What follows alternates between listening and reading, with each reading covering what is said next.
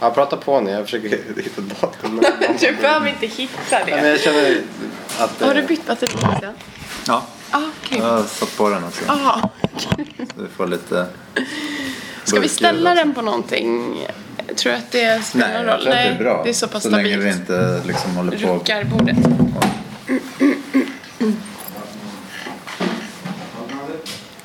Ja, ungefär vet jag.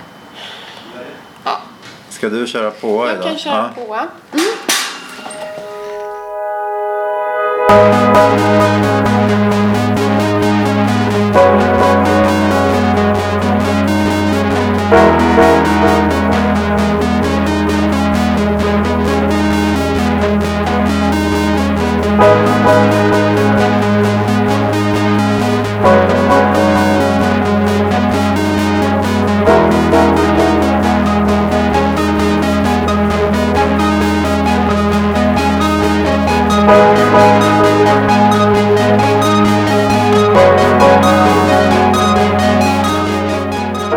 Sorgpodden med Desiree och Christian.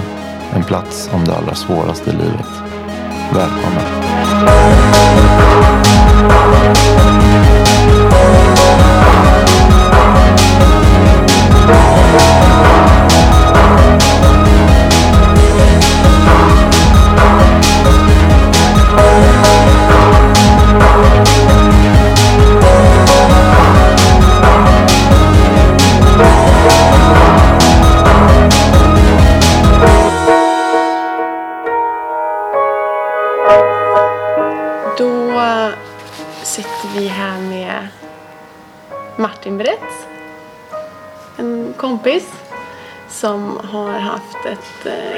Väldigt speciellt liv i jämförelse med många andra.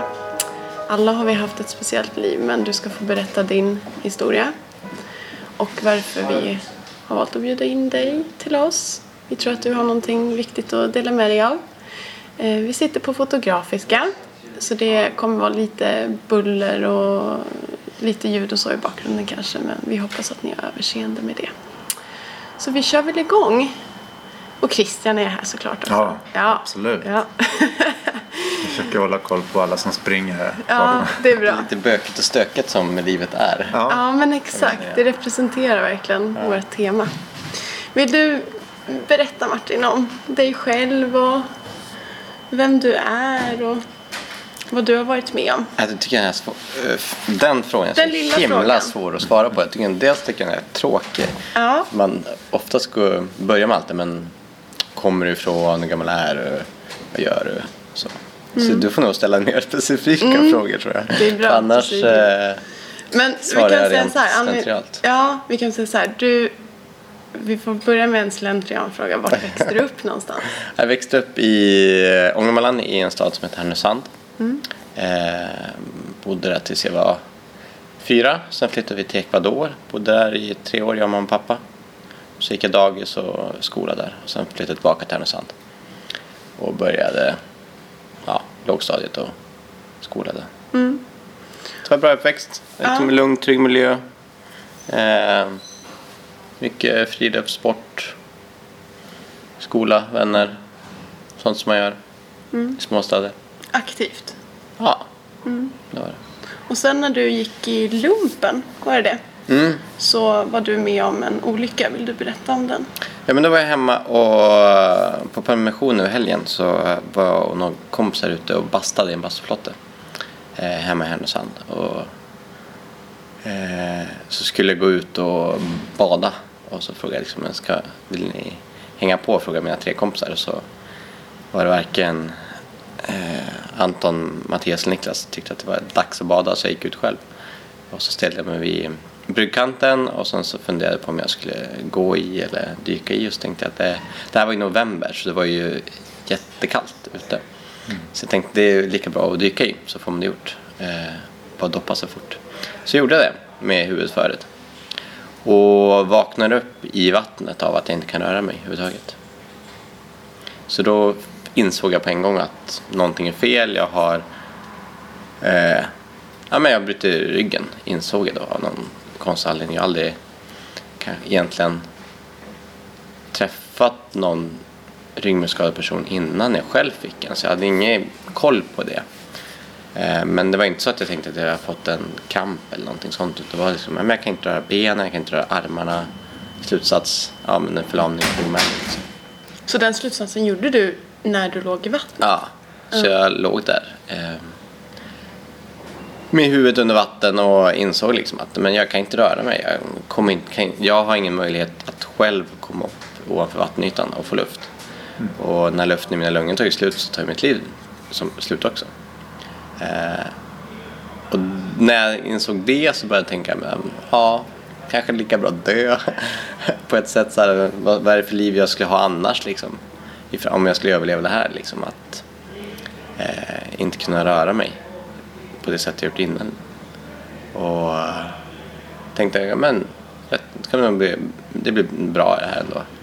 Att sluta sitt liv som 19 på topp. Eh, och, ja, men, Men du hann tänka så mycket redan där? Ja, ja det gick. Alltså, det känns... Det är lite lustigt när man pratar med, med andra människor som varit med om liknande saker eller andra olyckor men där man stannar upp just i, innan själva dödsögonblicket. Då. Eh, jag pratade med en kille som hade för några veckor sedan som hade blivit av med benen i en, i, ramlat i en hiss liksom, eller hissen hade rakat ner. Och det hade väl kanske fyra sekunder han hade åkt ner i schaktet där liksom hissen. Men för honom kändes det som hur länge som helst. Och för mig, jag kanske låg i 30 sekunder, en och en halv minut kanske max innan, innan mina vänner hittade mig. Och det kändes också som, ibland kändes det som en jättekort tid och ibland kändes det som jättelång tid. Men han hann tänka rätt mycket, han tänka på familjen, vänner, ja, men saker som, som man skulle inte skulle kunna göra, som man skulle sakna, liksom sticka ut i skogen eller på berg eller sådana saker. Liksom. Var det en känsla av panik eller var det lugn eller hur? Hur Nej, det, beskriva det var väl ingen panik någon gång egentligen. Det var väl lite... Ehm, alltså när jag inte kunde röra ben och armarna så var det liksom okej, det funkar inte. Testar vi nästa. Hopp, armarna funkar inte heller. Vad fan gör jag då? Så det var, det var inte panik, men det var lite stressat var det. Men sen när jag insåg liksom att jag inte skulle kunna komma upp och få luft, då var det lugn. Eh, och det är väl... Eh, om inte den bästa var i alla fall en av de bästa känslor jag haft i mitt liv. När jag väl blev eh, eh, accepterad att jag skulle dö. Liksom. Då var det otroligt lugnt. Det var en jätte, jättefin känsla. Och det var liksom fridfullt. Ett bra ord för, för vad det var. Och sen då? Sen eh, precis innan eh, luften tog slut så var det en av mina vänner som hittade mig. Och som tog upp mig i vattnet. Och hur hittade de dig? Eller liksom... Ja, det var ju tur. Ja. Det- Ja, det är bara tur. ja. Man hade gått ut ur bastun så hade ena eh, kompisen Niklas hade hört någonting ute i vattnet så han gick bara rakt ut i havet. Och sen så när han hade vattennivån upp till precis där det började bli djupt liksom i brinken så hade han vatten. Eh, vattnet var väl upp till bröstet ungefär. Och då svepte han bara med armarna framför sig och hittade mig under vattnet. Och det var ju liksom, hade han gått lite vänster, lite höger, inte Ja, gått så det långt ut Ja. eller så jag inte sett, för jag låg under vattenytan, det var ju 11 på kvällen på, i november så det är inte så att det, man syns direkt heller. Så det var ju bara ren, ren röta. Att man hittar liksom. Men hur kändes det då? För då var du fridfull, tänker jag. Eller liksom... Det var rätt Och sen så kom känsla. han då och hittade dig. Eller liksom, vad hände? Mm. Det kändes som att jag, jag att nu är det här länge sedan även, Mm. även fast jag tänkt, tänkt tanken på hur det var liksom och försökt minnas så här. Alltså, men så det är svårt att säga hur, hur det exakt Ja, var. det var, ja. ja. men precis, men det känns som att det var väldigt ehm, lugnt och att jag skulle liksom så här, eh, somna bort liksom. Och sen så liksom dras man, man drog sig upp ur vattnet liksom på något sätt eller man dras tillbaka. Och sen så tog det väl millisekunder man förstår att okej, jag har fått luft liksom.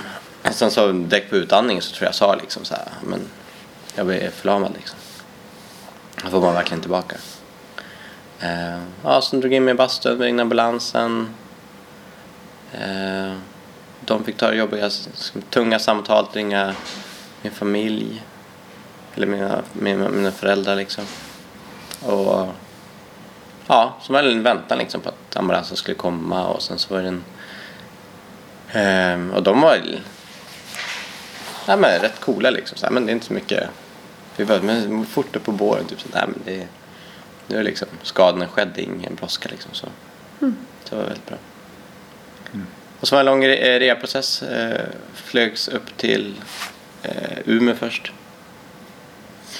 Eh, och oper- opererades där. Så de eh, tog, jag bröt eh, vad blir det nu? Femte nackkotan, C5. Eh, så de eh, tog ut den trasiga biten ur nacken och eh, satte dit en benbit ifrån höften. Ungefär så här, stor, stor som en sockerbit. Satte de in den istället för att stabilisera. Och sen så satte de en titanplatta utanpå. Så det gjorde de eh, första dagen. Gjorde det. Och så när det är gjort då är det liksom i stort sett bara att vänta hoppas på att den spinala chocken som sker och att det blir en svullnad liksom runt omkring mig. Att det ska släppa så att man Få se liksom hur, på vilken nivå har man skadats egentligen. Hur mycket funktion har man kvar. Eh, direkt när det hade hänt när vi låg i bastun så liksom gjorde vi känseltest på mig för att se liksom vad, vad finns kvar. Då kunde jag inte röra bena, armar, hade känsel upp till, eller från bröstvårtan uppåt. Men efter någon vecka så hade jag fått tillbaka lite känsel och kunde börja röra armarna mer. Men jag är fortfarande, idag så har jag ingen motorik i benen, eh, jag har inget, ingen motorik från ja, men, brösthöjd och neråt. Egentligen axel, axelnivån neråt. Men jag kan röra armarna, eh, har nedsatt funktion i fingrar. Så jag kan inte sträcka ut fingrarna till exempel. Ehm, och det är på grund av att man skadar nacken då, som det sker. Så det kommer aldrig komma tillbaka liksom? Utan det är Nej, jag, nej, liksom. det, nej det tror inte jag. Det är, Nej, ska det komma tillbaka då är det att man ska göra någon operation. Liksom. Eh, men än så länge så finns det ingen, inga lyckade operationer som eh, funkar helt bra. Det finns massa studier och forskningsförsök och sånt som görs. Och vissa mirakelpersoner man har läst om. Men då är det oftast för, att man den personen är inkomplett och har fått tillbaka att nervtrådarna inte helt gått av utan det finns lite kvar och då kan de reparera sig men har man, är man har man en komplett skada eller har eh, det går inte att växa tillbaka saker som nervtrådar som är helt av liksom, i dagens eh, värld. Så jag är inställd på att leva resten av mitt liv eh, i rullstol. Eh, sen får vi se. Jag tror att man Ehm, behöver, oavsett vad man är med om så måste man på något sätt acceptera men det här är här och nu. Och det här är så här mitt liv funkar. Det, är de här eh, funktionerna jag har kvar eller den här, ehm, eh, vad ska man säga, ja, men det är det här jag har att leva på eller arbeta med. Ja. Då måste man använda det. Oavsett om det är fysiskt eller psy- psykiskt så måste man utgå från nuläget. Sen ska man alltid ha en, en dröm och en önskan om att man vill ha någonting annat. Och även kanske jobba mot det. Men man måste ändå utgå från det man har tycker jag. Har du haft den insikten hela tiden eller är det liksom någonting som har vuxit fram? Med? Eh, Sakta men säkert växer det. Det var ingenting som var glasklart från början. Först tar det ett tag liksom, att förstå vad som har hänt liksom, och hur pass eh, skadan, liksom, hur påverkar ens liv liksom, Mm. sånt. Eh, men ja, det tar, för, mig, för mig i alla fall så tog det väl några, några månader innan jag förstod liksom, Mm. vidden. Ja, det. I alla fall några veckor. Mm. Eh, Men sen så är det ju saker och ting som dyker upp längs vägen också som man Mm. måste förhålla sig till som man inte visste från början heller. Så massa sekundära problem som innebär med ryggmärgsskada som man inte har koll på överhuvudtaget liksom. Och som man tror liksom ska förändras eller förbättras liksom sånt. Hur var den där tiden rent känslomässigt liksom efteråt? Ehm, jag var rätt glad över att jag levde. Eh, samtidigt som jag var liksom sorgsen över eh, liksom, att jag har förlorat liksom, saker. min fysiska funktion. Liksom. Ehm, men det var svårt. Liksom. Men låg sömnlös på nätterna. Eh, hade väl självmordstankar men inget, ingenting jag skulle vilja realisera men jag funderade lite grann. rent tekniskt på hur man skulle kunna göra det. Eh, och mycket eh, pendla mellan dvala, sömn, vakenhet, dröm.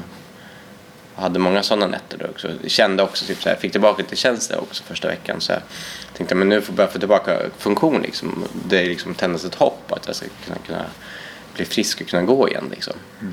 Eh, Så hände ingenting så vaknade jag mitt på natten och så här kände att jag kunde röra, vicka på tårna. Så, så liksom, låg jag där och tänkte men yes liksom. Och sen så morgonen efter så när personalen kom in så men jag kan vicka på tårna. Bara. Och så gjorde jag det liksom. Det verkligen kändes som det. Men nej, tyvärr hände ingenting. Försök lite till liksom. Så, här. så återkom det någon annan natt. Så var jag tvungen att larma på knappen. Typ, så, så fort, om, om någon ser det, då har det ju hänt. Ja. Då är det verkligt så här. Så jag, var, jag hade liksom panik på att nu måste de komma fort som sjutton så att, så att den här eh, känslan inte försvinner liksom. Mm. Men sen var det tufft att så här, och få besök av vänner och familj och, och sånt för att mm, men på ett sätt var det mycket man fick trösta andra för att vad som har hänt mig liksom. Eh, och första tiden, det var också kanske ett sätt att hantera min egen sorg tror jag också. Hantera situationen att man ska visa sig stark för, för ja, framförallt för mamma och pappa liksom. Så det var mycket, mycket med det. Så att, men nu måste jag visa mig stark för dem så att de klarar av att liksom, uthärda sin sorg över att deras liksom, yngsta, yngsta barn har liksom, fått, eh, fått en funktionsnedsättning. Liksom. Men du, du ser det som ett sätt att bearbeta din egen Men jag, sorg det också då? På ett, inte kanske sorg, men bearbeta... mm, Eh, det är ett förhållningssätt. Det är det är ett sätt att, att arbeta för... Eh, någon, någon typ av framåtskridande. Liksom. Om jag försöker hålla ibland masken över hur ledsen jag är eller försöker liksom nu, nu, ska vi, nu ska jag på sjukgymnastiken och träna och nu vill jag upp liksom i stolen. Nu vill jag ut få frisk luft liksom och jag vill skratta och ha kul liksom. Jag, ibland måste man stålsätta för sig för det och göra det. För att på ett sätt göra an, få an, ens anhöriga att må bra. För att de vill ju att man ska må bra ju. Eh, och på ett sätt när jag tvingar mig själv till det så oftast blir det ju... Det blir bättre. Ja, det blir ju det. Sen går inte det att göra hur länge som helst heller, eller hur mycket som helst. Och man måste ju också få tid till att sörja vara själv liksom. Så du blev som motiverad med hjälp av andra? För om det bara hade varit för din egen skull hade det varit svårare liksom, eller? Ja, då hade man väl säkert ehm, bara grottat ner sig liksom, i allt man har förlorat. Och det kan jag tycka um, andra vänner i samma situation, liksom att just anhöriga som kommer hit och stöttar en och liksom livar upp stämningen eller liksom få en att ehm, ja men det, det, det hjälper verkligen att ha folkens närhet som bryr sig om en ju. Och det, Kun, ja. mm. Kunde ni sörja tillsammans också? Eller var det liksom, hade ni en sån pepp, peppande gemenskap? Eller fanns det liksom, delade ni svåra stunder med varandra? Mm, ja, både och tror jag. Jag vet inte. Dels tror jag min, min familj, alltså mamma, pappa, mina systrar och mina svågrar liksom delade mycket sorg ihop. Och sen så var det vissa tillfällen när man var på sjukhus. Det var ju det mycket folk där liksom. Att då, det går inte att hålla masken liksom 24 timmar om dygnet heller liksom. Eh, så att där fanns ju tillfällen självklart som, och det var jobbet liksom. Jag menar, jag minns första gången jag fick urinvägsinfektion på sjukhuset. Låg bara och skakade liksom, hade feber. Men det, då, då är ju- det är jobbigt liksom. Då, man bara gråter för att kroppen bara ska, skakar liksom. Att det gör så ont liksom. Ehm, och där finns ju, där är man ju sårbar ju. Verkligen. Och utelämnad. Så där har man då anhöriga runt omkring sig så, så delar man ju det på något sätt. Ja, jösses. Och sen? gick Ja, sen... sen ehm, ja, alltså nå- något som hjälpte mig mycket då var liksom att jag behövde vara själv också väldigt mycket. Och så här, men jag måste få... på något sätt måste jag... Men jag ligger sömnlös på nätterna ibland och tänker en massa grejer. Men på något sätt måste jag bearbeta det. Eh, det som här sömnlösa nätterna hjälpte ju det. Men sen, sen även när jag fick prata med psykologen som jag egentligen till en början tyckte var värdelös. För att hon sa ingenting. Utan, för jag låg ju sömnlös kvällen innan och grubblade liksom. När hon kom och ställde de här frågorna liksom. Så jag hade svar på alla hennes frågor. Så jag pratade i 45-50 minuter. Och sen så gick hon och tyckte jävla kassorna alltså. Du Men- inga tips? Inga Nej, verkligen inte. Det var ju fruktansvärt. Men på ett så här efterhand tycker jag var jättebra för jag fick ju ur mig alla de här tankarna till en professionell person som behövde bara ta emot det. Det är ingen anhörig som ska trösta mig. Det är ingen eh, sjuk, annan sjukvårdspersonal som ska liksom, ta hand om en. Hon var bara där för att lyssna liksom. Och det var väldigt skönt att göra det, få ut liksom de här tankarna. Ehm, så ibland satt jag tittade ut genom fönstret, kollade på snön fall ner. Eh, någon dag innan julafton försökte måla lite grann vilka känslor jag hade. Skrev lite så här dagboksliknande brev till vänner och anhöriga och släkt liksom för att det går ju liksom inte att svara på alla telefonsamtal och sms och, Nej. och sådana saker heller. Så det var rätt skönt att skriva så här. Okej, det här är ett massutskick. Ta det för vad det är, men det är liksom det är mina tankar. Och det var rätt skönt att få ner ens tankar i ord också. För att när, när jag väl har gjort det så ehm, det kan vara nog klurigt att fundera ut vad det är jag tänker egentligen. Men försöka formulera det på något sätt i antingen ord eller bild eller, eller någon annan konstvariant så blir det ändå att jag måste fundera verkligen, bearbeta och fundera på vad är det jag tänker och vad är det, hur, vilken reaktion får det när jag väl skriver ner det till exempelvis. Det kanske är en klyscha men kändes det som att du liksom vände blad också när du väl hade fått ur de där grejerna? Eller? Nej, nej det tycker jag verkligen inte. Mer eh, i så fall vände blad och fortsatte skriva mer. Nej, jag känner aldrig att jag har eh, vänt blad, lagt det åt sidan liksom. Nej. Eller det kapitlet är färdigskrivet. Men Sorgen eller det som hände då bär jag alltid med mig. Det, det är ingenting jag vill glömma bort heller. Liksom, det är en del av mig och någonting som har format mig väldigt mycket personlighetsmässigt. Ja, just det. Om du, nu kanske det är svårt att, att jämföra men eh, och nu när du var så ung också när det skedde så har det blivit en väldigt stor del av dig. Men eh, om du hade varit utan den här delen skulle du vara samma person idag? Um, en svår fråga. Man är ju liksom precis ung och formbar på den tiden. Men många av mina intressen hade varit samma sak. Det var någonting jag liksom verkligen eh, sa både till mig själv och till andra. Jag vill fortsätta göra de saker jag tycker är kul. Liksom. Och, så jag har fortsatt med att segla och fortsatt åka utförsåkning och lagidrott. Men i en annan form än i rinna liksom. Ehm, och jag hade planer på att studera så har jag gjort det också. Sen kanske jag hade studerat någonting annat. Jag hade eh, gjort andra saker. Men jag, så på ett sätt så är liksom, det är ju sam, livet kanske inte hade sett så jättemycket annorlunda ut. Men samtidigt har jag ju lärt mig, tror, men jag har förändrats så mycket på ett sätt de åren. Eh, och jag lärde mig saker som kanske inte andra personer i den åldern hade lärt sig heller. Just det här med sorg och vad är jag, meningen med livet kanske är mycket att säga men vad, vad tycker jag är värdefullt med livet? Det blev verkligen svart på vitt liksom när, när man ligger på, i en sjuksäng och funderar på vad, vad är värdefullt i livet och vad tycker jag är värt att leva för liksom. Wow. Sen om vi hoppar fram några år. Det var Ja, väl det en här var lång 2004. process. 2004. Ja, det var en lång process. Man eh, lång, eh, låg på rehab en halvår. Och så. Men, ja, men började plugga. Och eh, flyttade till Stockholm. Eh, på med lagidrott och sånt. Och sen 2011. Elva. vad eh, vill du berätta vad som hände då? Eh, på våren 2011 så dog min pappa väldigt plötsligt. Eh, från, ja, från ingenstans ungefär.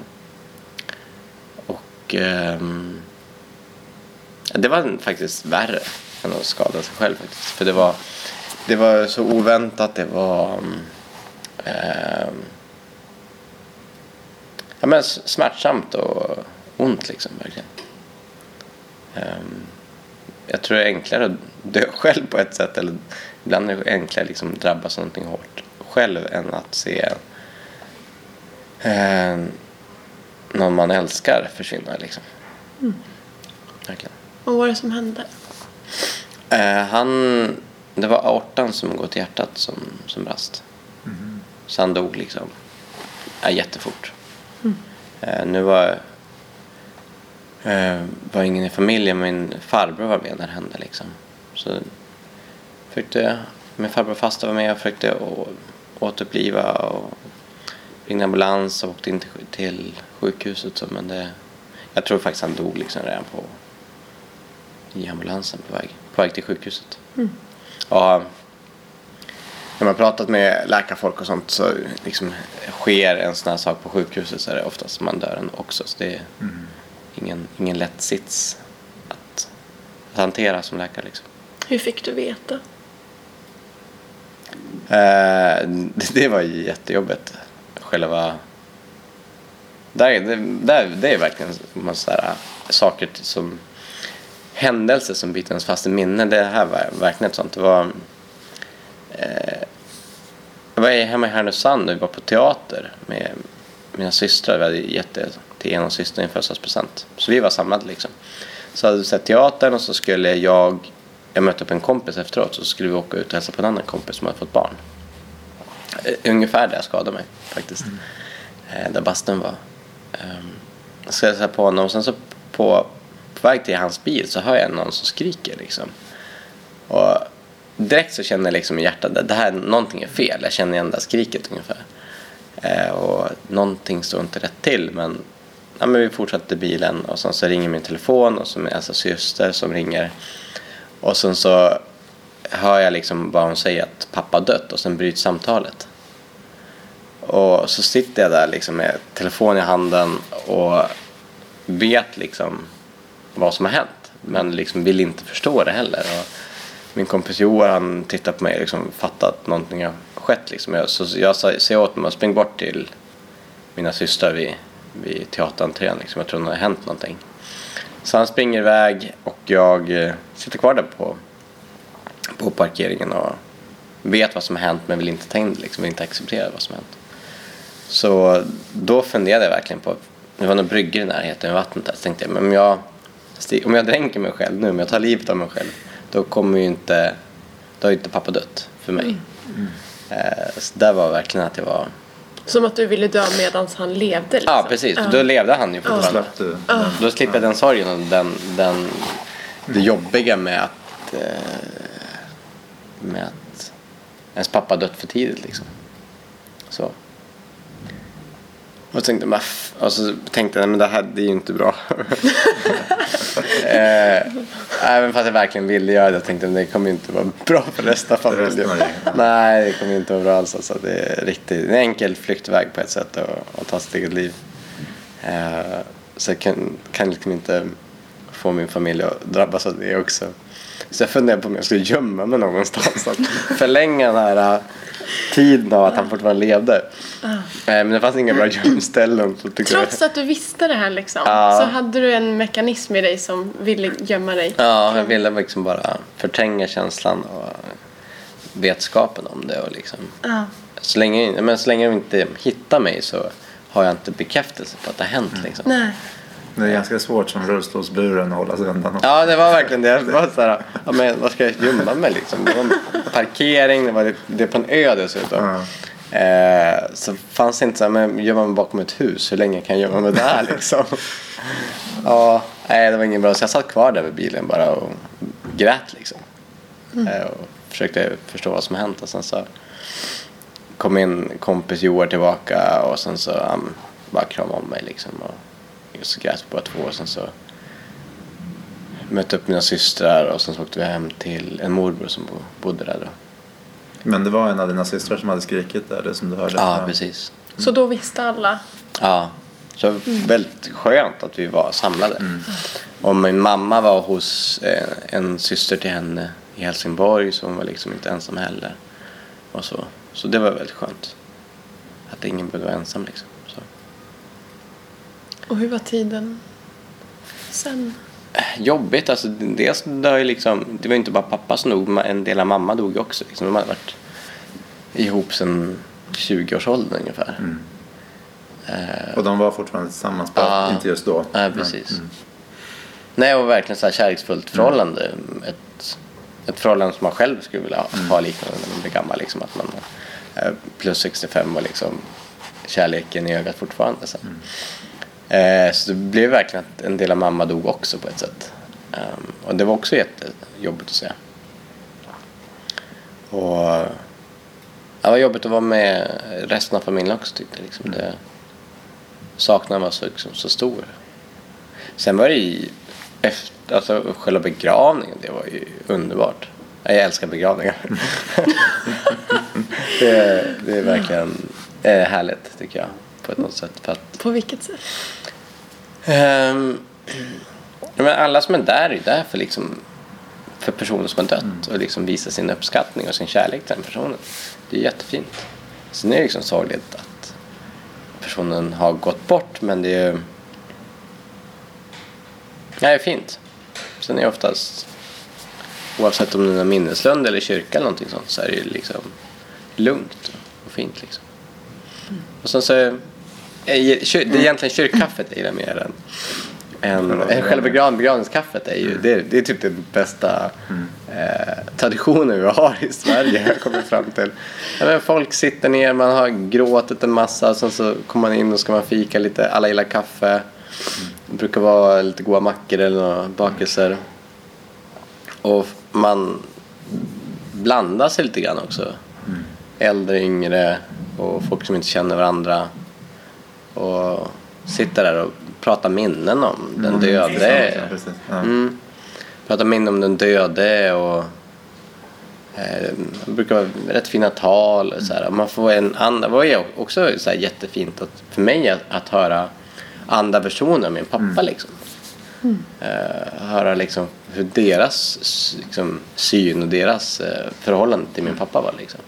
Så på ett sätt blev det som att men det här är liksom Han växte. Ja, men precis. Eh, och blev, minnet blev rikare på något sätt. Jag tror det var så kul. Ja, det var ju mycket folk som kom. Det är ju alltid. Han var ju en uppskattad person liksom. Så det kom folk från Spanien och sånt där. Så det var väldigt, väldigt fint. Hur var själva sorgeprocessen? Liksom, för dig, var du mycket själv eller hur var det med familjen? Och liksom? Det var ju på, han dog ju i maj. Så under sommaren så var jag liksom mycket på sommarstället med familjen. Och så, så det var inte själv. Det var ju fullt upp med syskonbarn och familj och släkt som kom på besök. Och, och var med mamma och sånt. Det var liksom, och sen så liksom ordna upp allting. Praktiskt. Praktiska också är ju väldigt mycket som är väldigt jobbigt. Så jag har inget minne av någon sorgprocess överhuvudtaget. Jag minns bara att den sommaren var liksom bara människor överallt. Och jag, vet, jag, vet, jag vet knappt vad jag gjorde själv faktiskt. Om jag var själv någon gång heller.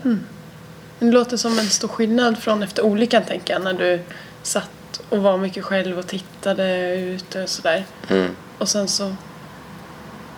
Nu låter det som det var väldigt mycket aktivitet men väldigt mycket kärlek runt omkring och det Mm. var det säkert efter olyckan också men att det låter väldigt olika de tiderna efteråt. Jag tror ja, jag hade väl inte lika mycket tid för mig själv. Tror jag. Nej. Det var liksom när man skulle gå och lägga sig och sånt kanske. Mm. sova. Mm. Eh, och sen så i, i september så fick min mamma cancerbesked så blev det så här en ny jobbig grej liksom. Som, och jag minns när min mamma ringde det, hon var uppe i fjällen så ringde hon liksom. För hon, hon hade fått en blodsjukdom några år innan. Och eh, som skulle kunna ut, liksom, utveckla sig till, till eh, leukemi.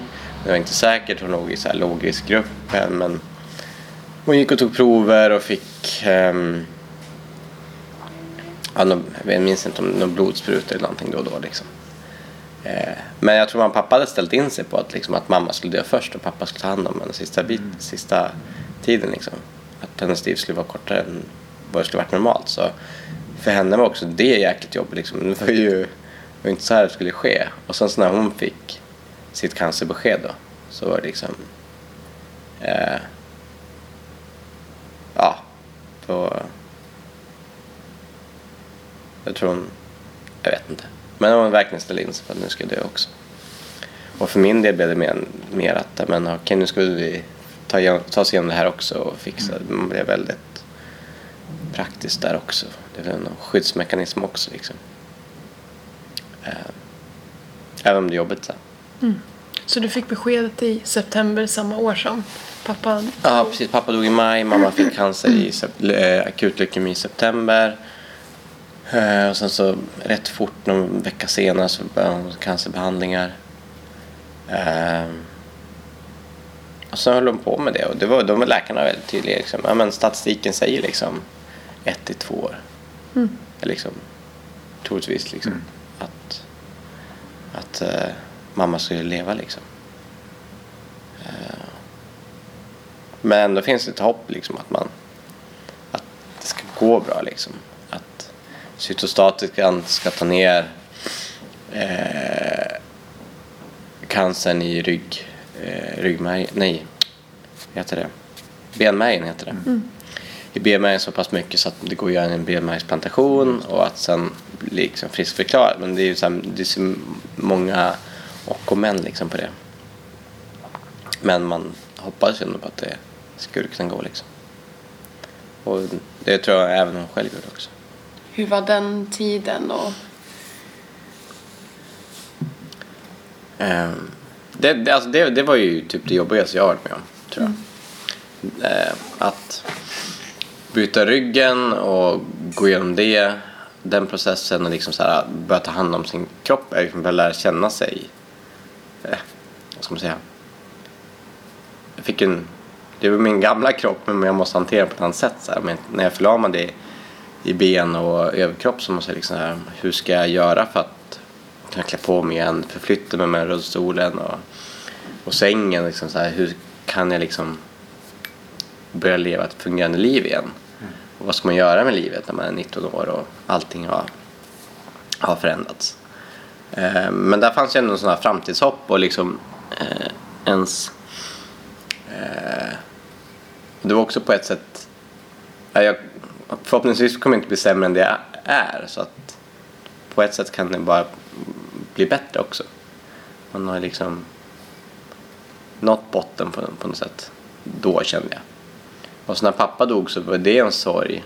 Eh, och när mamma fick sitt cancerbesked då var det liksom, nu är det ju bara, nu är, det, nu är man ju i, under botten. Om Man jämför, om, om skada sig var, byta ryggen var botten så nu är man under botten och det fortsätter bara neråt kändes det som.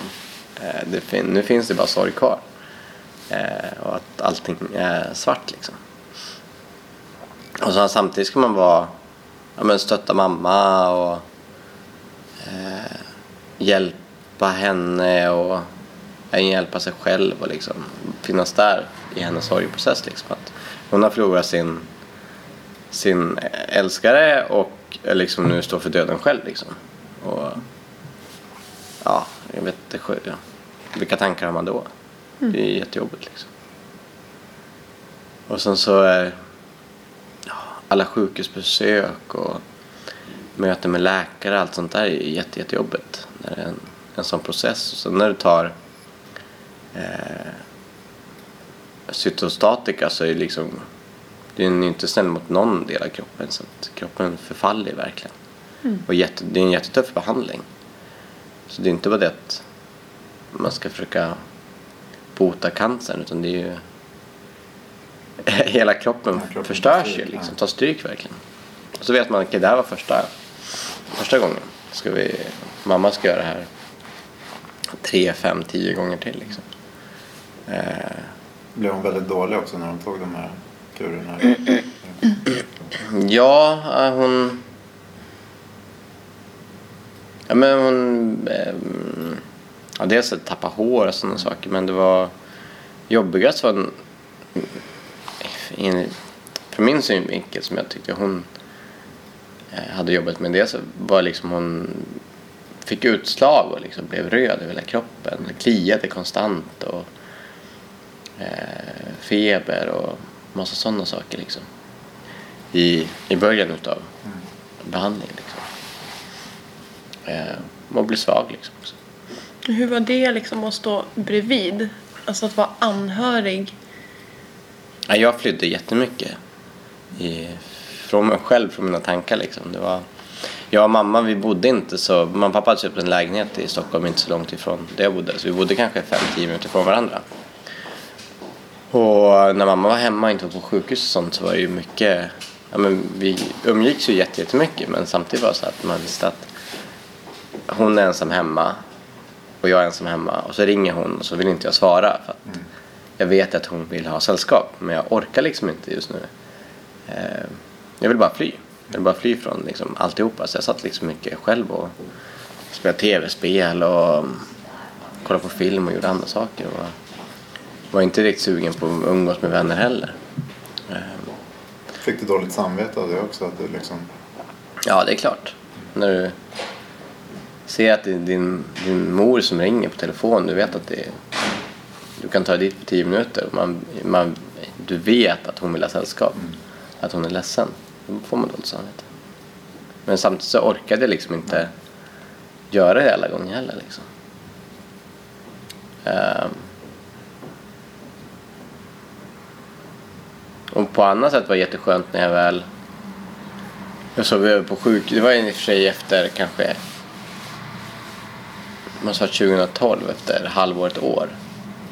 Jag höll ju på med behandlingar rätt länge liksom. Och, men när man inser att liksom, nu är det inte, kommer inte, det kommer sluta med att hon dör liksom. Mm. Och sista behandlingen där, då sov jag på sjukhuset väldigt mycket. Det var, det var jätte, jätteskönt och det, det är någonting som jag skulle rekommendera till alla personer.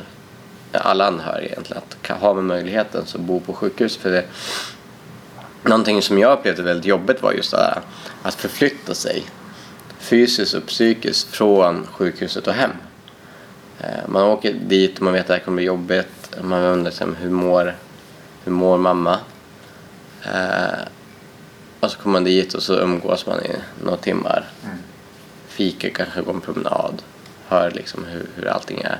Och sen ska man åka därifrån. Dels lämna henne liksom så här, och sen ska man också åka hem hela den här biten. Det var ju i Huddinge så tar det ändå en halvtimme, 40 minuter liksom att åka. Eh, och sitta i bilen och gråta liksom på vägen hem. Så därför var det väldigt skönt att man kunde vara kvar och Att det får ta tid. Ja, men så över också typ så här vara där när det blir också lite mer avslappnat. Umgås man i fem, sex timmar eller något sånt så blir det ju annorlunda om det bara ses en eller två timmar det- Ingen, ingen kan ju hålla masken eller, eller det blir mer öppet ärligt ju. På ett sätt. Men sen det var också, jag minns en gång på, på sjukhuset, för jag sov i, i samma rum liksom, fick en extra säng där. Och, och mamma vaknade på natten och hon hade kissat på sig eller behövde gå på toa och kunde inte larma knappen och så skulle jag larma så var det en väldigt smal säng och, och men jag får liksom panik nu så ska jag nu ska jag vara där och hjälpa henne men egentligen vill jag ju bara resa mig upp och gå dit och lyfta upp henne och bära in henne på toaletten men det kan jag inte göra.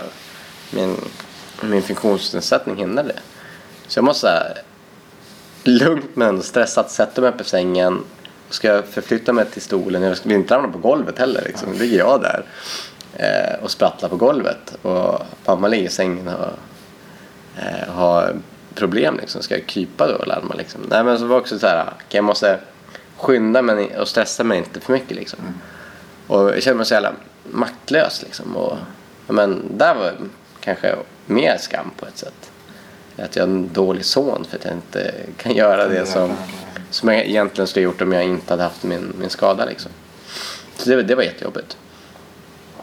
Um, så var det liksom larma och så fick personalen ta hand om henne. Och då, så var jag där, jaha vad gör jag nu liksom? Ska jag gå och lägga mig igen liksom. Ehm, ja det var tufft. Men ändå skönt att ha varit där och liksom dels få eh, dela liksom en natt på sjukhuset också. Med en döende person. Tycker jag är viktigt. Eller var viktigt för mig. När förstod du, eller ni, eller du, när hon inte skulle klara sig? Kommer du ihåg? Ja. Kanske. Jag vet inte. Jag tror det gick i omgångar. Jag tror från början så trodde man väl att eh, om att hon skulle dö, men att det kommer kanske. Och sen så ibland fick man en förho- förhoppning när, när första kuren verkade gå bra. Och sen så kom det tillbaka liksom. Så det var lite upp och ner, men det var väl på hösten 2012 som man verkligen insåg, men nu är liksom eh, hon kommer dö snart. Och sen så höll hon ändå ut. Vi var åkte till Mallorca där tror jag på hösten. En vecka. Och och väldigt fint. Men vi hann med sån, det är också väldigt härligt tycker jag. Med sådana resor. Barcelona var vi på vårkanten och typ sådär. Det var mycket uppe sommarstället och sånt. Så det var inte liksom en tid där man bara pendlade mellan sjukhuset och hemmet och massa behandlingar. Utan vi hade liksom, jag minns det så väl när man eh, satt och pratade med sin läkare och skulle få reda på nästa, hur nästa behandling hade, hade gått. Liksom. Och mamma eh, men grät fram liksom att Nej, men jag har ett bra liv ändå just nu. Liksom. Eh, och jag försöker verkligen eh, ta tillvara på det. Liksom. Så det var väldigt fint. Men sen så visste man, ja, men sen efter eh, jul och nyår så firade vi hemma hos min syster i Stockholm och mm, hade liksom flyttat hem mamma dit och var liksom palliativ vård. Eh, så då visste man liksom att nu är det ju veckor, månad, typ någonting sånt kvar liksom. Hur var det känslomässigt? Att veta liksom att... Eller att inte veta exakt, men att, att veta att det skulle hända. Men på ett sätt, hon blev svagare och svagare där efter eh, jul och nyår. Men på ett sätt var det så här, men ja, nu är hon så här, nu orkar hon liksom inte gå promenader. Eh, orkar knappt liksom äta och man ser ju liksom att hon, kroppen förfaller men eh, ja, då, då är det så här nu. Men hon är fortfarande min mamma och hon lever liksom så att jag är glad. Så länge inte hon har för mycket smärta och tycker liksom att det, det här är hopplöst så får hon gärna Ja, jag tänkte till och med sista veckan så minns jag liksom, ja, men bara hon lyfter ögonen i, från säng, i, ligger i sängen och lyfter ögonen och kan prata tio minuter per dag så kan hon gärna för mig leva vidare länge som helst. Um, men um, mm, är, man, man vänjer sig på ett sätt liksom bara situationen nu men samtidigt vill man inte att hon ska lida liksom. Så. Så dog hon hemma då hos Mm. din syster. Och hemma hos min Ja. ena syster. Var ni med då? Ja, vi hade varit...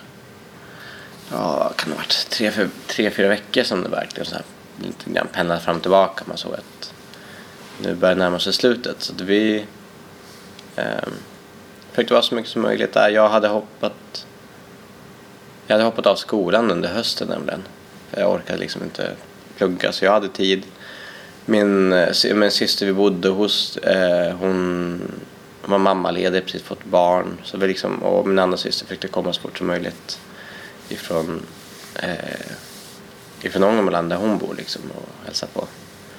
Och sen för en massa andra släktingar och vänner som kom och besökte. Så det var verkligen så att folk kom och gick i det här huset eh, rätt mycket. Ehm, och en av mammas bästa väninna Elisabeth var uppe och bodde en vecka liksom så. Det var verkligen eh, superhärligt och mamma var uppe liksom och satt med på middagar ibland och ibland satt hon bara i en fåtölj och halvsov medan vi andra satt och käkade. eh, och hon var också väldigt klar i huvudet också. Sista perioden var jag minns, vi gick igenom begravning, hur hon ville ha det där och verkligen många sådana saker som man undrar så här, hur, hur vill du ha det? Men som jag vet från andra vänner och hört liksom att någonting kanske man inte vågar prata om heller. Liksom, hur vill du det? Och en del vill ju inte liksom, eh, prata om det heller för att jag tror att man, man har, innerst inne så hoppas man ändå på att det ska gå, gå bra och vill inte prata om sin, sin egen begravning liksom. Men jag som anhörig tyckte det var väldigt skönt att få veta hur, hur mamma vill ha det. Liksom. Ehm. Ja, men så hade hon gjort liksom... Hon skrev dagbok och... Jag minns eh, en kusin och kusinbarn var på besök typ två eller dagar innan mamma dog. Så hade mamma gjort ett paket liksom, till mitt kusinbarn och visade exakt vart det var. Ja, men det var verkligen så här, hon, ibland var hon helt borta vissa stunder men oftast var hon liksom klar i huvudet och verkligen så här... Um, uh, jag inte, ville... Mm. Men sen var det jobbigt, minns att mamma grät ofta över att Ja, men speciellt på slutet så var det, men folk ringde och ville ju säga farväl liksom. Mm. Och så fick mamma liksom trösta dem eh, i de här samtalen och hon tyckte det var väldigt jobbigt liksom. Jag, det är jag som ska dö liksom. Ska jag hålla på och trösta folk för att jag ska dö? Eh, och på ett sätt, jag minns jag sa det till henne liksom, men det eh, i den värld vi lever i, eller som jag förstår det på, så är det ju det är vi som, du dör och vi blir kvar med sorgen. Eh, Så det blir ju på ett sätt jobbigare för oss att förhålla oss till det för vi kommer ju sakna dig liksom. Och det är väl kanske det de eh, söker när man vill säga farväl. Att, man- att, man, att ja, men jag kommer sakna dig väldigt mycket. Tror jag. Och så dog hon hemma hos syrran. Mm. Ja. Ja, sista dygnet var vi, ja, men, eh, väldigt jobbigt för henne. Mycket smärta så vi. Men hon dog ändå ja, någorlunda frifullt liksom. Inte jättemycket smärta. Men dog hemma hos min syster och sen så var man kom ASIH, så här, sjukvård i hemmet. Kom dit och ja, men, verkligen så här, gjorde en jättefin, så här, kammade hennes hår och satte på en gammal skjorta av pappa och liksom, sminkade henne. Så, här, så hon låg i sängen så här, jättefint och fridfullt. Liksom. Och, eh, mina syskonbarn var med in där också. Typ, så det, var, det var verkligen jättefint. Sen så kom några vänner för, förbi på besök och vi... Jag en, en, en min kompis Ashkan han ringde typ såhär, får jag komma förbi? Typ såhär, ja, gör det. Så, men ja, jag har aldrig sett en död person. så att, och liksom, han älskade mamma också typ såhär, så för honom var också typ, så skönt att se. Men fick han ta farväl av henne också. Så, och minns jag att han, vi, han och jag åkte, köpte pizza och massa glass och sen så satt vi liksom italiensk eh, familj och käkade pizza, drack eh, rödvin och, och käkade glass liksom. Och så låg mamma död i rummet bredvid liksom. Och det var jäkligt härligt liksom. Att, och så kom det andra vänner eh, som har mexikanskt påbrå liksom att man Ja, men där också man ska hälsa på den som har dött samma dag. Liksom. Så de kommer bara plingade på liksom. Jag har tagit sub- upp ifrån södra Stockholm liksom. Eh, så det var väldigt fint liksom. Så. Och så var också fin begravning, vid bra kyrkkaffe. ja, du gillar ju Ja. Jag tänkte på att det kanske är svårt att jämföra liksom. Men det låter ju som att ni var många som var delaktiga i ett sorgarbete redan innan din mamma dog. Eh, till skillnad från när din pappa dog knallfall egentligen utan Mm. förvarning. Hur, alltså vad känns om du skulle jämföra de två sakerna, om det går att göra det. Vad, vad känns sundast? Eller, eller var det Oj. bara jättejobbigt att ha veta under lång tid att mamma eventuellt skulle dö? Eller? När jag sitter och lyssnar på det så finns det mycket blandade känslor det. Det finns ju mycket... Men pa- pappas död var liksom, det var ju liksom en chock. Mm. Verkligen. Som att man själv får en kniv i sig liksom och liksom smärta direkt. Eh, kanske en smärta som man inte riktigt vet, vet hur man ska hantera heller. Eh, mamma var med liksom en lång utdragen process och, och där fick man inte heller, eller fick man, det var svårt att sörja i och med att hon fortfarande, man, du ska sörja att hon ska dö men hon lever. hur hanterar du det? Så på ett sätt var det rätt skönt när jag väl dog för att då kunde jag börja sörja på riktigt. Och försöka bearbeta. Och jag, hade, jag var ju deprimerad i ett, ett och ett halvt år. Eh, under mammas cancerperiod för att det var, men jag orkade inte plugga. Det var svårt att liksom känna glädje överhuvudtaget. Och allting var liksom sorg. Så oavsett om jag gjorde någonting, och även om jag var glad och gjorde någonting kul så, så var det som att sorgen sipprade upp liksom. Eh, Ändå. Kom igenom de här lagren av det som var kul liksom. Eh, Det var svårt liksom att ta emot kärlek, ge kärlek. Det var, det var jättesvårt. Um, jag tror inte jag besvarade din fråga där. Nej, tycker det, det, Ja. Ehm, men eh, ja, jag vet inte. Det är olika sorg, sorgprocesser på ett sätt. Eller känslan är lite olika. Ena är liksom momentant smärtsamt och andra blir långt utdraget. Liksom. molande liksom. Ja, du pendlar mellan hopp och förtvivlan liksom också. Och du inte riktigt vet. Men pappa var död, det var definitivt Mm. liksom. Sen så hann jag väl aldrig riktigt bearbeta den, den sorgen för att mamma fick cancer på en gång, liksom, bara efter några månader. Eh, så det är svårt att veta också hur, hur jag hade hanterat den sorgen på annat sätt under den hösten om inte mamma hade haft cancer. Liksom. Var de som liksom inflätade i varandra, de sorgerna på något sätt för att de var så täta liksom?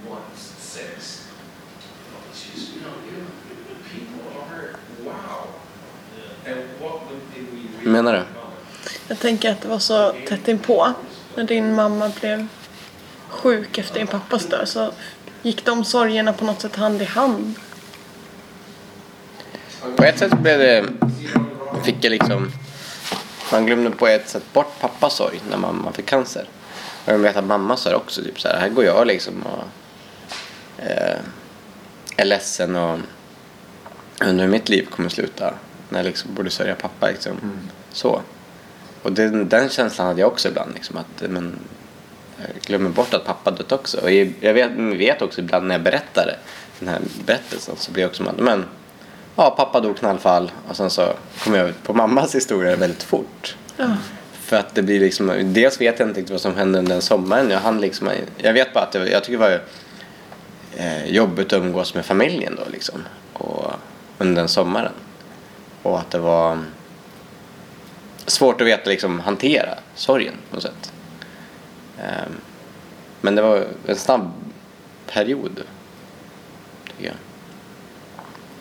Ja, så den flätas in i varandra tror jag sen. Att mammas sorg, sorgen med mammas process liksom, tror jag mycket kom in med pappa också. Och sen när väl när mamma dog då tror jag också på ett sätt kunde börja hantera båda sorg. Eh, och sen tog det väl säkert halvår till innan jag började må bättre. Igen, liksom. Jag hade jättemycket så här stresssymptom, jag tappade hår och mådde inte alls bra liksom, under den, den perioden.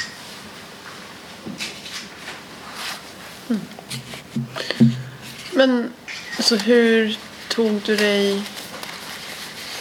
Hur hanterade du sorgen rent... Ah, Kände du att du hade som verktyg eller du berättade att du gick hos någon psykolog där efter olyckan. Tillämpade du det igen så att du träffade någon eller? Alltså jag hade ju en del verktyg. Sen... Ehm.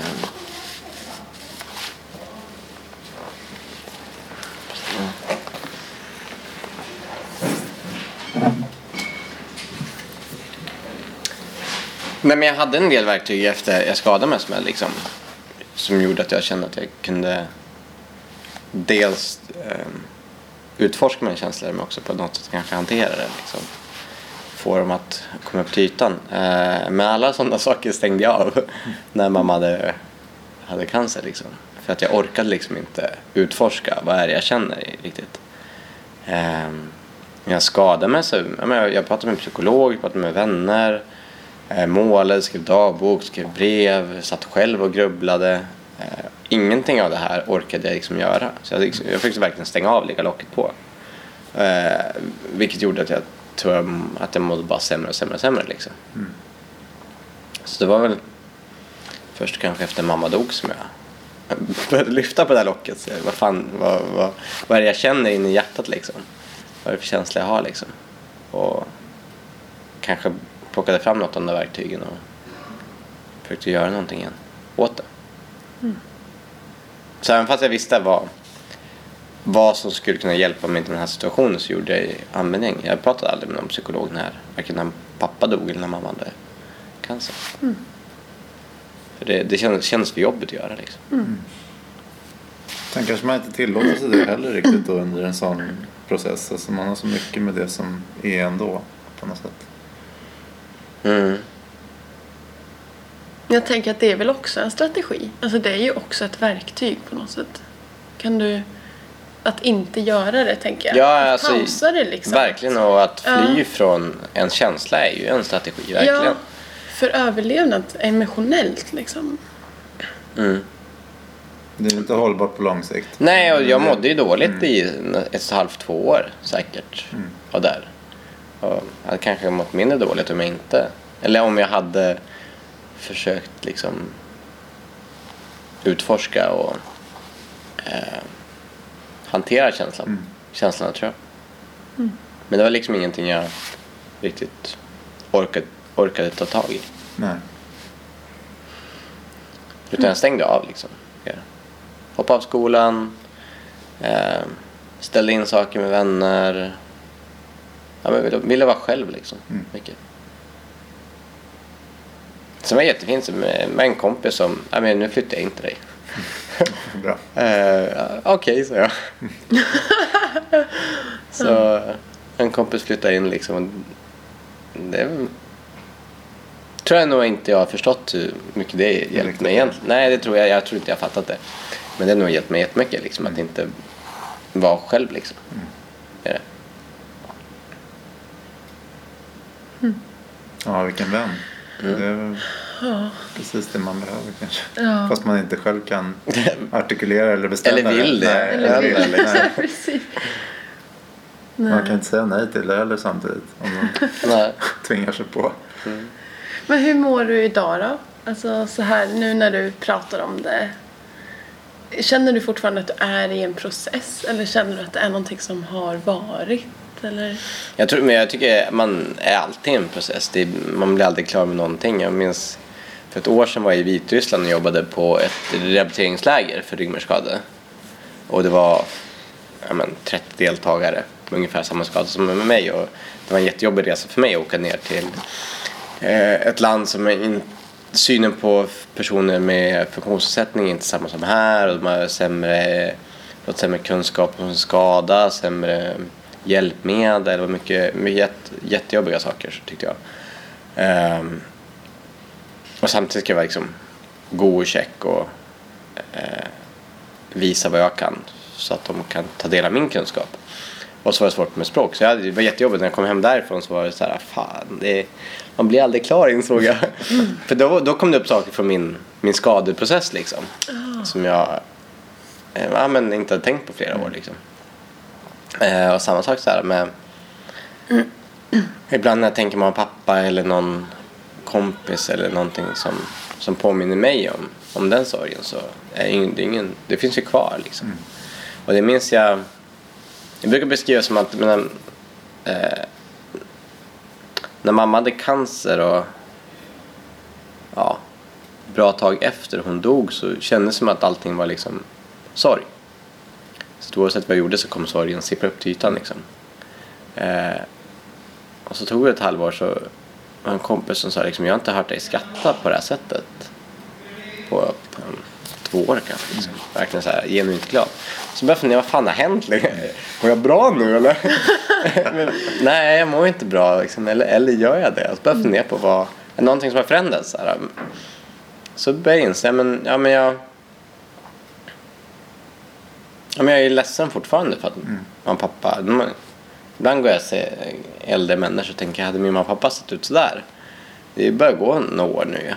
Men ändå har jag bilden av hur de var då. Och jag saknar dem liksom för att... Eller men sorgen över dem, liksom, över att de har dött. Men bara... Jag är ledsen för att de är borta, för att de är döda. Ehm, Men vad är det jag sörjer egentligen? Men jag saknar dem. Och varför saknar jag dem? Ja men det är för att jag vill ju uppleva saker här och nu med dem. Och de, jag, vill att, jag vill uppleva det de upplever och de hade ju upplevt liksom min, mitt liv också. Typ. Så jag saknar ju att vara med dem. Så här. Eh, och den saknaden är ju för att jag älskar dem. Liksom. Jag älskar ju att vara med dem. Och då, där när jag insåg det, då var det bara aha, det är kanske därför jag lite mår lite bättre. För att jag, men det är ju inte, i botten är det inte sorg, det är ju kärlek. Men jag älskar mina föräldrar, det är därför, det är därför jag saknar dem. Jag, jag saknar dem inte för att de är döda. Det kommer ju senare, i senare steg. Och då började aha, jag älskar dem. Då är, det- då är det kärlek, det är ju det är ju glädje. Det är inget farligt. Nej, det är ju glädje liksom. Så, även, jag kan vara ledsen emellanåt också. Och jag, jag saknar dem ju varje dag. Och tänker på dem oftast varje dag, även fast jag glömt bort Ja, men så nu inför den här podden har jag glömt bort eh, vilket år de har dött båda två. Jag får googla mina föräldrars namn på. Det är nog ett friskhetstecken kanske. Nej. Ja, både och. Jo, kanske både och. Eh, Det beror på hur man, hur man förhåller sig till det. Eh, Alltså, även fast jag saknar dem idag så, så, så saknar jag dem med, med glädje och kärlek. Liksom. Och då blir det lättare att hantera också. Hur är ni i familjen där, syskon? Och så, eh, lever, lever dina föräldrar kvar i er historia? Liksom? Ja, verkligen. Många, framförallt första eh, året och åren efter mamma och pappa dog, då var verkligen, de var ute och reste väldigt mycket. Eh, samma år som pappa dog och mamma fick cancer så hade de varit i Venezuela, eh, Spanien, Portugal. Eh, så det var verkligen, och de alltid gillat att resa. Så ibland känns det som att men nu är vi FF liksom. och att man pappa är ute och reser liksom. Framförallt när vi är på sommarstället liksom. Så är det liksom att andan av man pappa finns kvar så himla mycket. Och, eh, så de är väldigt, och mina syskonbarn, även fast inte, jag tror bara de äldsta barnen som har ett minne av mamma och pappa egentligen. Framförallt mamma men kanske lite av pappa liksom. Men vi har liksom, jag, ja, hjärntvättat dem så jävla mycket med, med, med berättelser om och pappa. Så, så att... De är Eh, högst närvarande. ja, men högst men även så här... ehm, minns att Hedvig som är nio nu, hon, hon och hennes lillebror Nils hade haft kvällsfika. Så skickade Å- Åsa med, hon var inte där då de gjorde det kvällsfikat. Så hade Åsa sett liksom. Och de hade gått till kylskåpet och brett mackor typ så här. Och så skickade Åsa, min äldsta syster, en bild. Och liksom, eh, arvet efter pappa eller liksom att pappa spökar eller någonting. För då hade Hedvig klippt ur smörpaketet. Så man får man får plats med en smörkniv. Och det är ju någonting som min syster Åsa inte gillar Nej, okej. att göra. Så där liksom Hedvig liksom men där gjorde jag med, med morfar liksom. Så hon hade gjort det liksom. Och, och sådana saker är ju ingenting som... Så där finns ju ett minne le, verkligen levande så här och det är väldigt fint. Och Shit vad fint. på något sätt så här, jag... Man vill ju ha med sig alla minnen tycker jag. Jag vill inte glömma mina sorger heller. Jag vill ha... Man brukar prata om vad... Vad heter det? Man, man har i ryggsäcken liksom. Bagaget, liksom. Bagage. Bagaget, ja. Ehm, jag vill ju bära med mig det bagaget. Fylla vinden med olika väskor. Så en kompis Jesper som sa, men det är ju, jag brukar tänka som ballonger istället. Smart. Det låter så- Bagage låter så Det är jobbigt. så jäkla tungt att ha en ryggsäck så, här, så, så Jesper sa det en gång så här, men jag tänker som ballonger och Ja men jag bär med mig, det är mycket lättare. Så började, Lyfter började vi spåna på det där. Vi var, vi var ett gäng liksom. Ja dels det, men vissa ballonger kanske är tunga. Tänker jag i alla fall. Jag, eh, min bild av ballonger är liksom att man kanske varje ballong är en sorg, en glädje eller en känsla liksom, ett minne. Så att man får fler och fler ballonger som man håller i. Vissa är färgglada, andra mörka, andra är ljusa, vissa är högt upp i skyn, andra väldigt tunga. Men man vill ha med sig de här ballongerna ändå liksom. Eller ryggsäcken. Så man vill ha med sig bagaget och fylla vind och källare. Vissa, sa- vissa saker glömmer man ju bort vad man har på vinden. Rent prakt, liksom, materiellt så jag var rensade min vind häromdagen förra veckan och hittade massa saker man glömt bort. Man blir så- förvånad. Ja. Ja, man blir förvånad och så tror jag också är liksom i minnet, vissa saker glömmer man bort med tiden. Mm. För att eh, ja, kroppen inte anser att det är viktigt att komma ihåg det längre, ans- antar jag. Och vissa saker ploppar upp ibland, som att man ser någon sak eller blir påmind om någonting från eh, ens föräldrar eller från min skada så, så blir det liksom... Det kommer upp igen. Mm, precis. Vad fint. Ja, nej, men bagage, det kanske är för jobbigt på något sätt. Men det låter verkligen När jag tungt. reser med hela familjen så är det jag som får konka allt. och sen så kommer man dit till den här handbagagekontrollen och då har man självklart inte plockat ut de där vätskorna och lagt i plastpåsar. Så att det är för jobbigt med bagage. Ballonger hade ja, ballonger är bättre. Ja. Ja, fint. Tänker du att det är någonting som du skulle vilja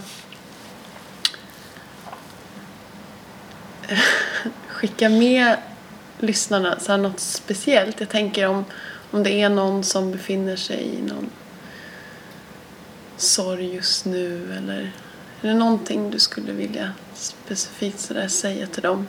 Förutom allt du redan har delat med dig om.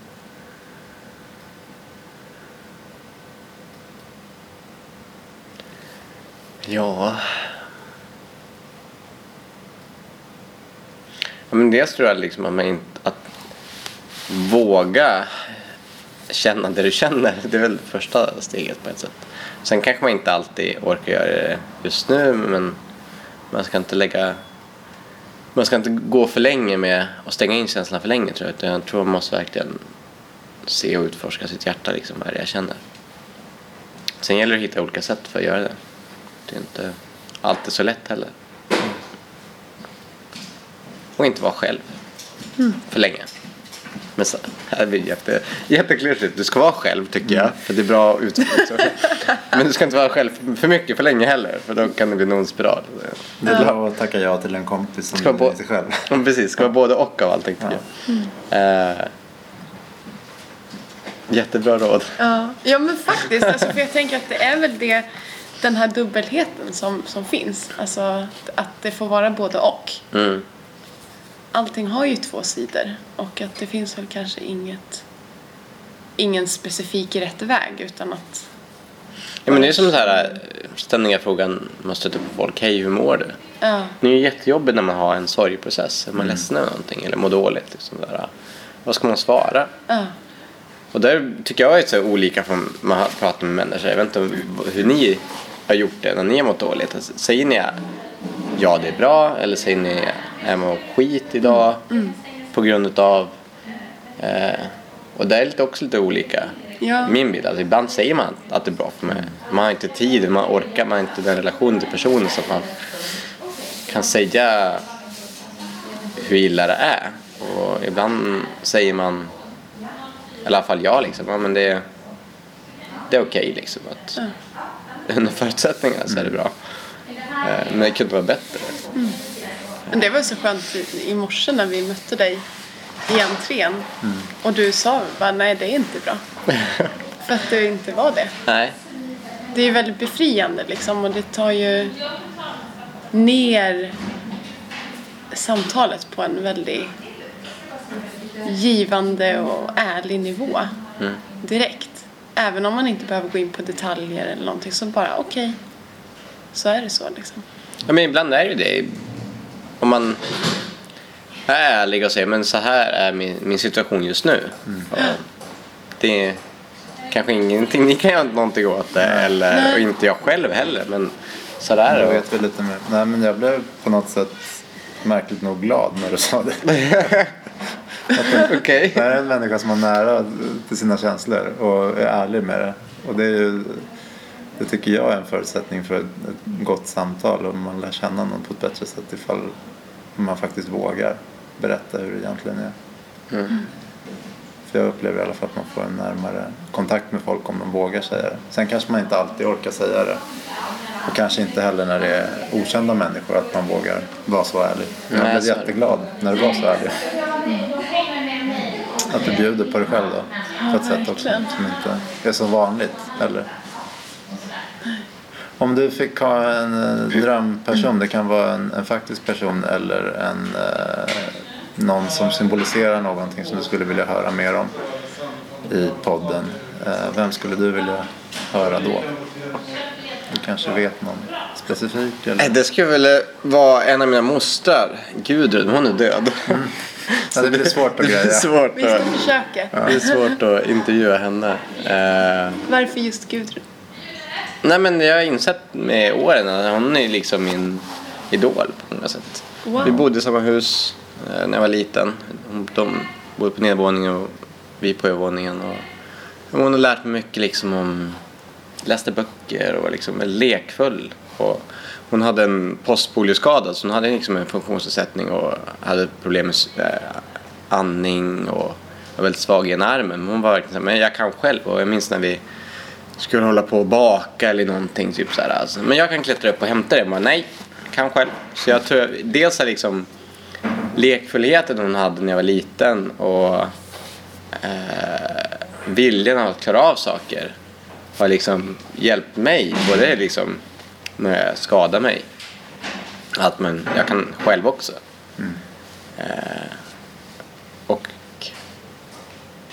ja, jag var glad när jag tänkte på det. Eh, någon levande person som Det blir lättare Det, att... Men, det blir bra med Gudrun. ja, jag tycker det Ja. låter som en fantastisk person. Ja. Vi får försöka lösa det på något Vi sätt. löser det. Dess är ju lite mer så alternativmedicin och mer öppen i sinnet. Hon kanske kan fixa det. Ja, tack så jättemycket. Ja, men tack för att du Fantastiskt. Tack själv. tog dig tid och ja, det var jättefint att du ville dela med dig. Det är kul att ni vill höra. Ja.